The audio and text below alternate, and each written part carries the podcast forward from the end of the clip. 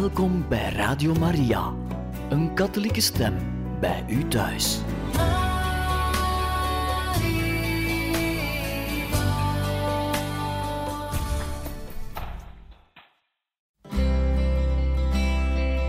Welkom bij Boekat, een programma van Radio Maria.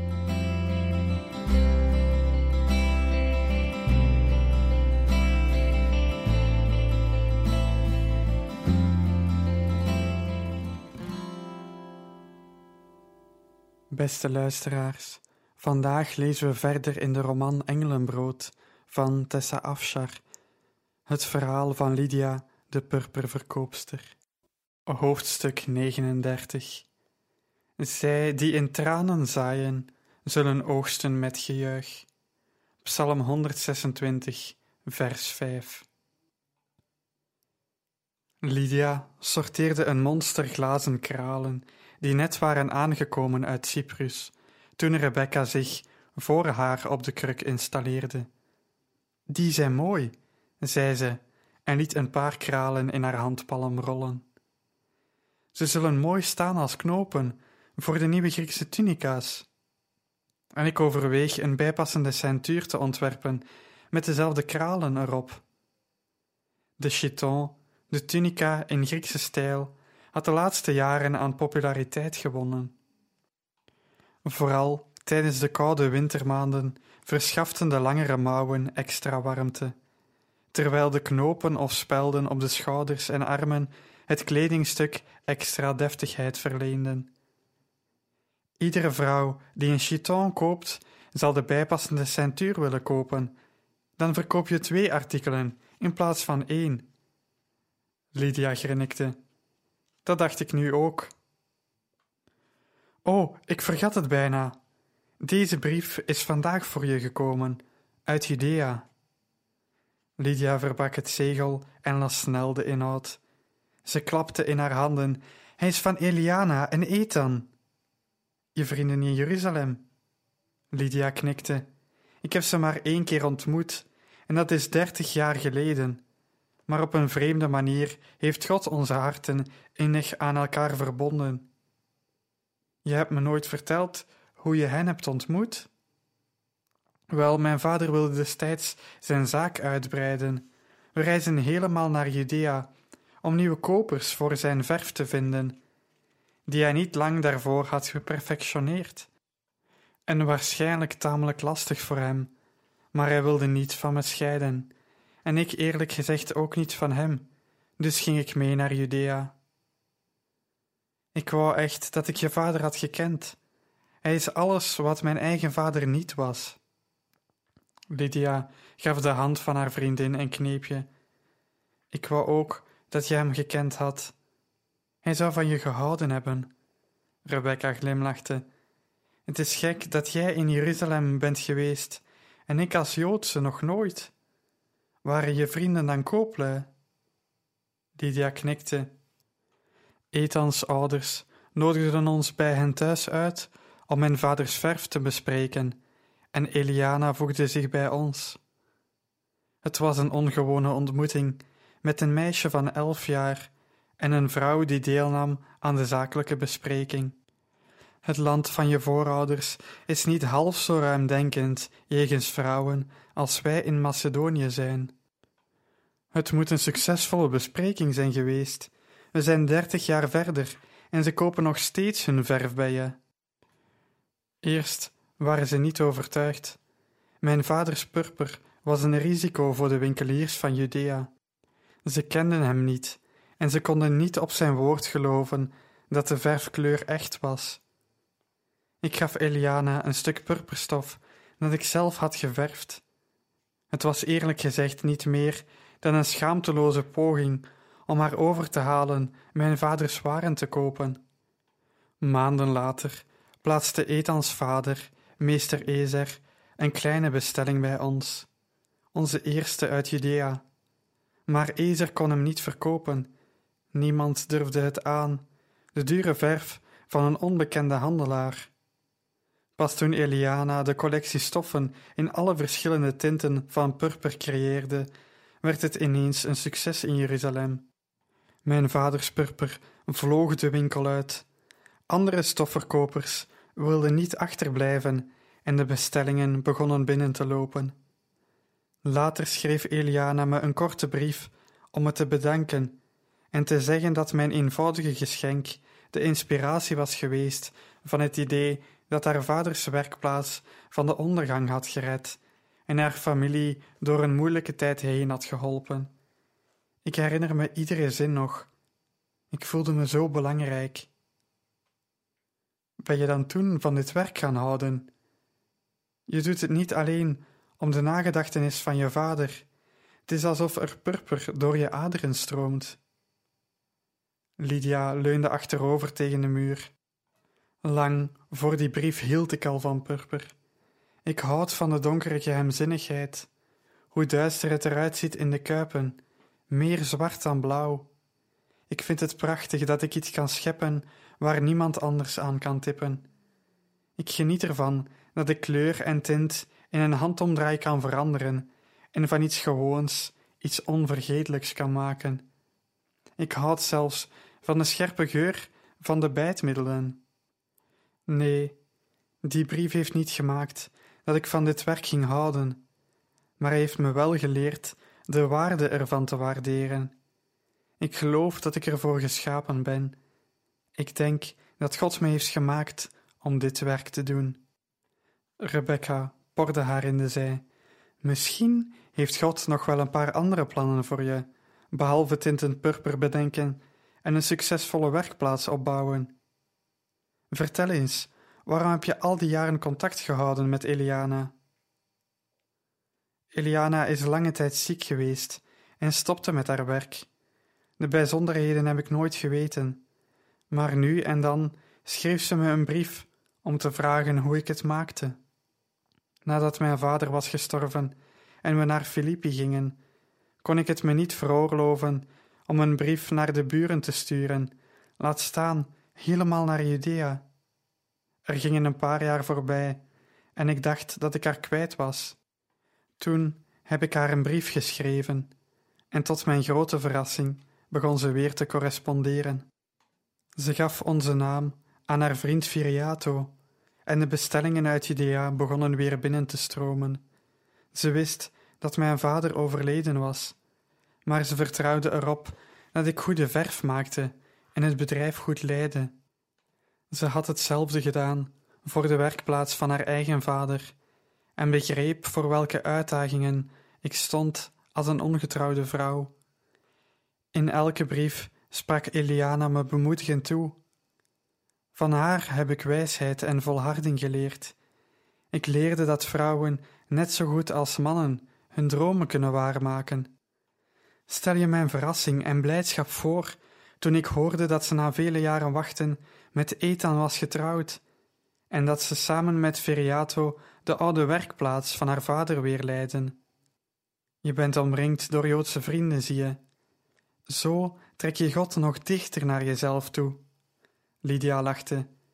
Je zou best eens gelijk kunnen hebben, want ze schrijven om te vertellen dat ze over een paar weken met een drieën naar Filippi komen. Christ as a light, illuminate, guide me. Christ as a shield, overshadow me. Christ under me, Christ over me, Christ beside me on my left and my right. Stay be within and without me. Lowly and meek, yet all powerful. Be in the heart of each tomb I speak. In the mouth of each you speak, sad to me. day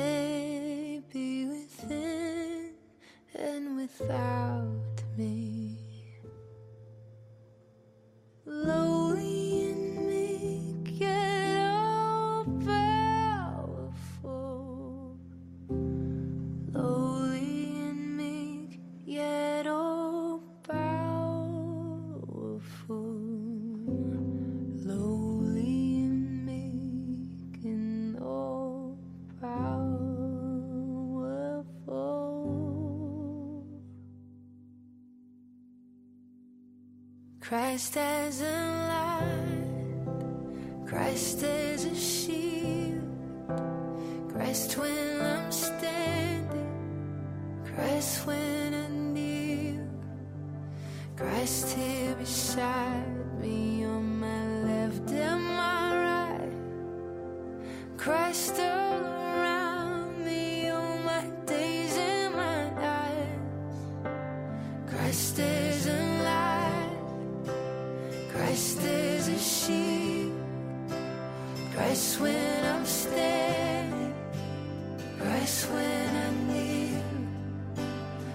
Christ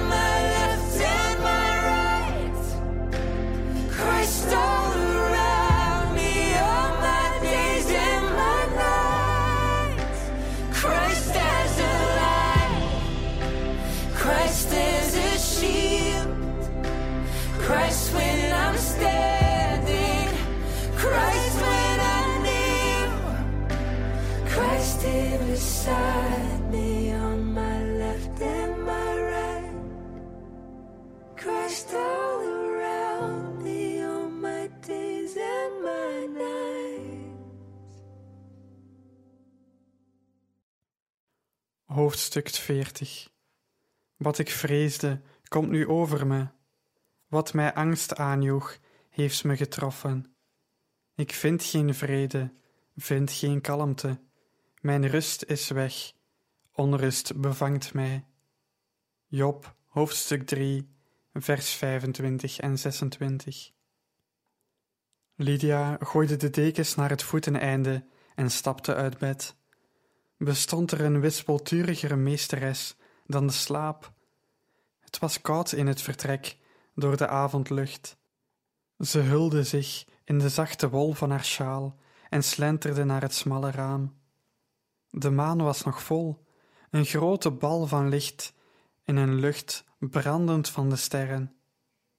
Beneden haar rustte de wereld in stilte, dromend, doezelend in het nachtelijk uur. Binnen in haar stak een hevige storm op. Geen maneschijn was licht genoeg om door de duistere angst die haar dreigde te overspoelen heen te dringen. Het probleem was dat ze de verantwoordelijkheid voor haar eigen veiligheid, zowel als de bescherming van haar dierbaren op zich had genomen. Het was een te zware taak, en ze wist dat ze zou falen.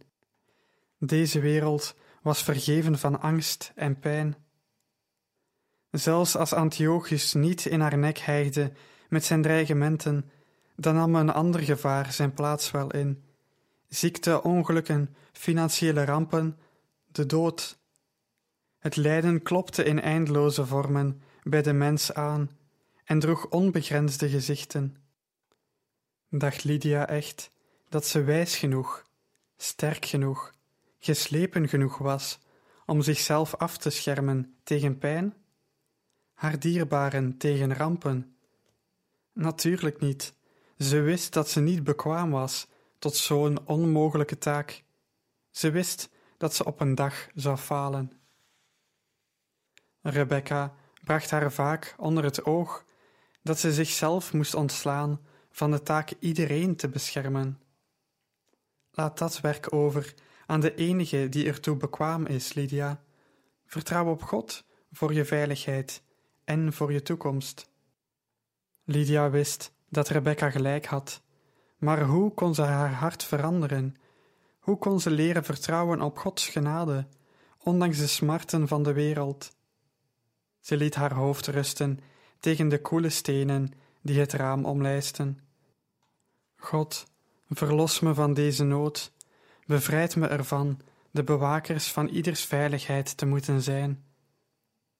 Op blote voeten en stil als een kat dwaalde ze haar vertrek uit. Ze bleef even stilstaan in de volgende cubiculum, waar Rebecca sliep.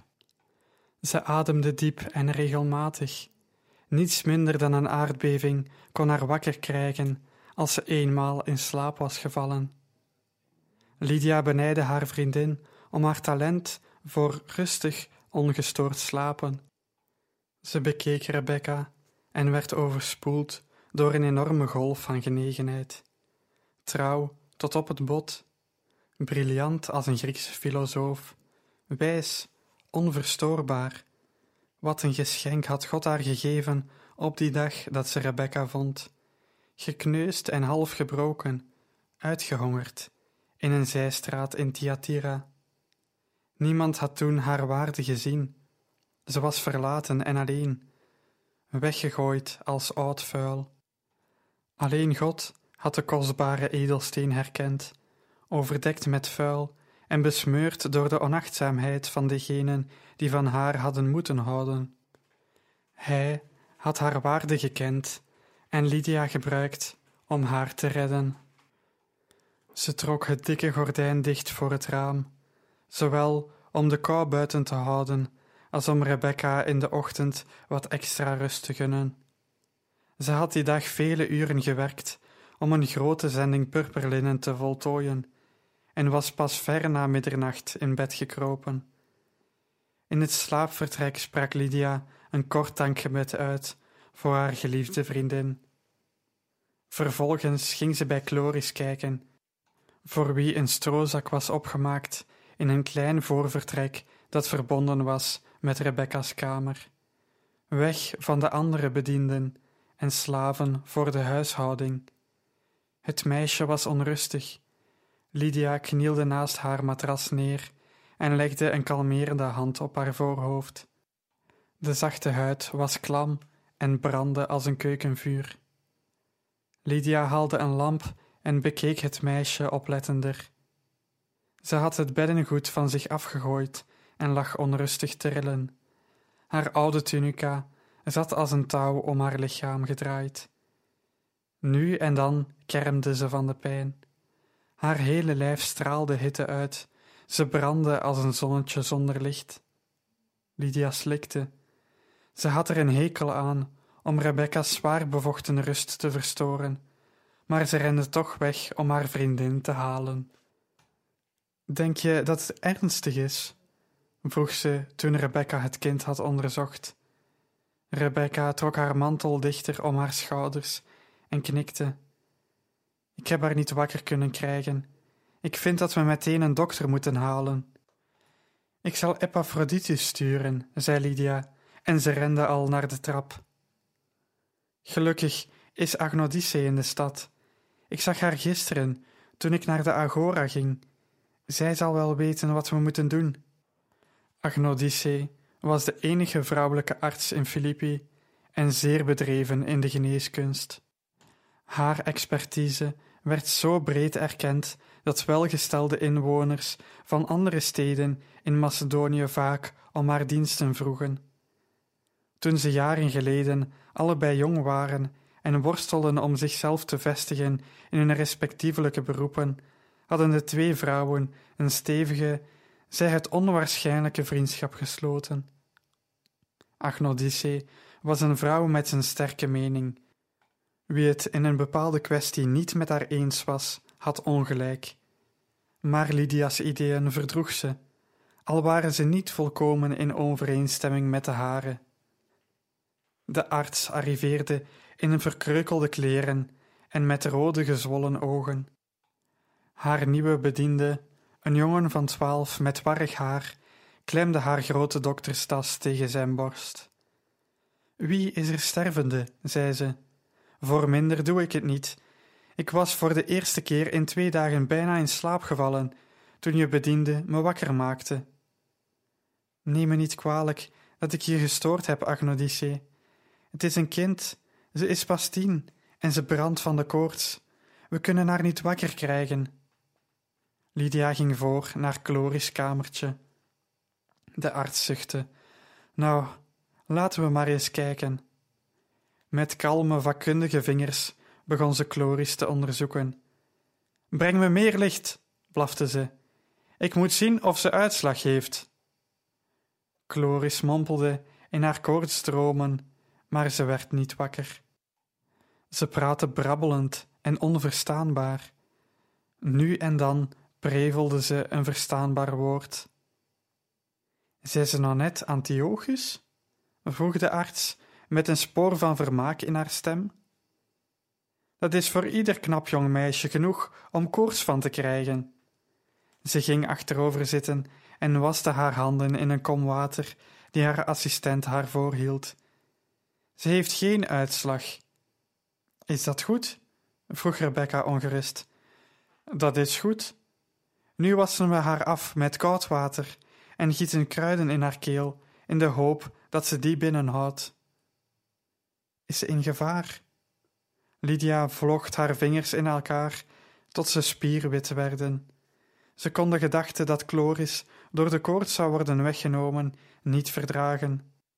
Ze was nog maar net gered uit de klauwen van Antiochus. Agnodice keek even op voordat ze haar aandacht weer op haar patiënt richtte. Ik wil niet tegen je liegen of je valse troost geven. Misschien moet je bidden tot je God.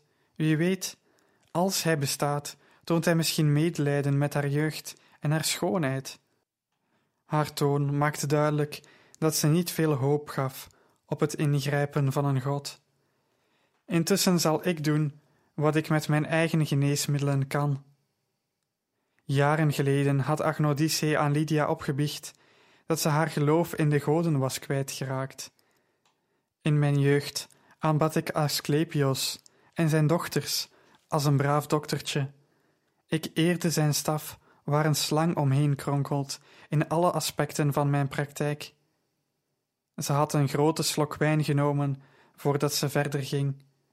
Ik zag geen genade, geen genezing, geen heling, hoe groot ook het offer, hoe lang ook het gebed, hoe diep het geloof. Asclepios, gezegend zij zijn koude hart, bekommerde zich nooit ergens om. Dus ik wendde me tot mijn eigen kruiden en creëerde betere geneesmiddelen. Ze had haar wijnkelk tot op de bodem toe leeggedronken. Die werken nu en dan tenminste. Nee, Lydia, ik ben klaar met de goden. De Heer is niet hetzelfde als andere goden, Agnodice. Zijn liefde is onuitputtelijk. Toch bezwijken er net zoveel Joden aan pijnlijke, ongeneeslijke ziekten als mensen uit andere landen. Dus ofwel is die God van jou net zo machteloos als de rest, of hij geeft niet om zijn volk. Houd jij je God maar, handelaar, ik hou me bij mijn kruiden. Lydia had zich naar voren gebogen. Kun je kruiden je troosten als je geen vrede hebt?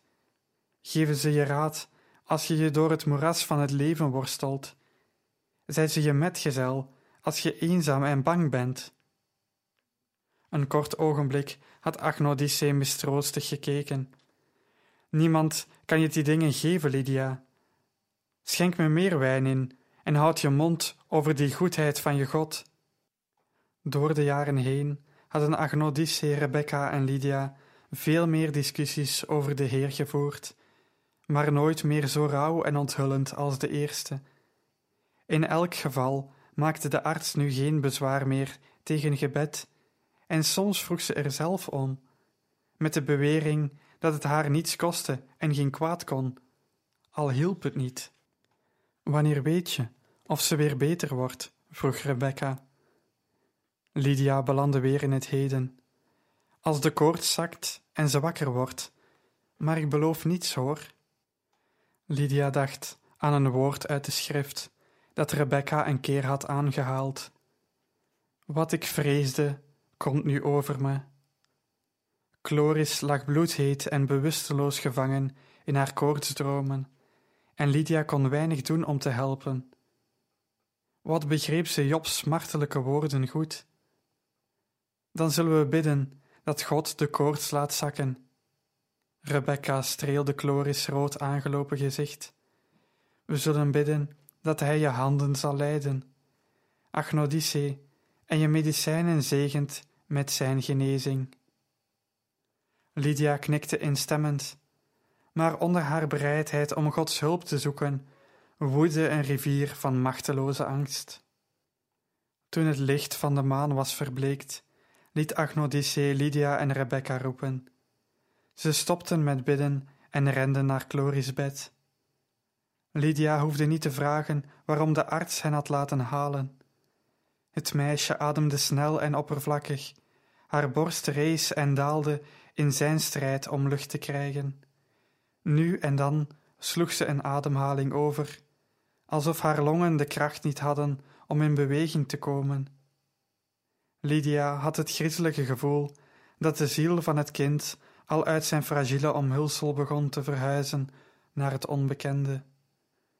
Lydia slikte krampachtig. Ze had die vreemde ademhaling eerder gezien. Uren voordat haar vader was gestorven, had hij ook zo geademd.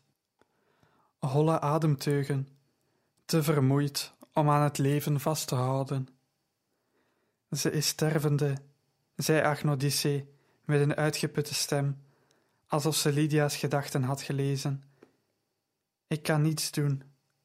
Neem maar afscheid. Lydia zonk op haar knieën. Ze had het ergste gevreesd en het was over haar gekomen.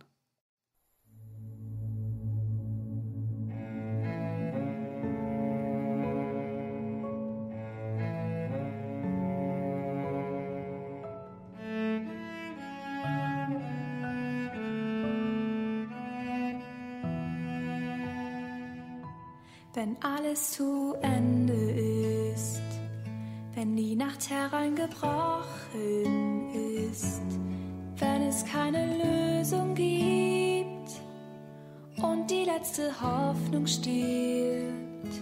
Wenn alles verloren scheint, wenn die Trauer sich mit Wut vereint, sind die Berge viel zu hoch und der Abgrund viel zu tief.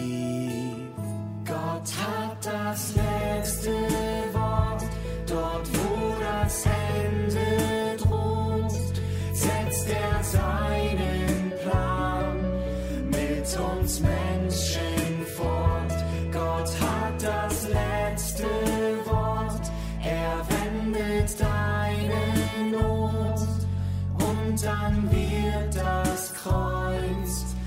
zum Hoffnungsort.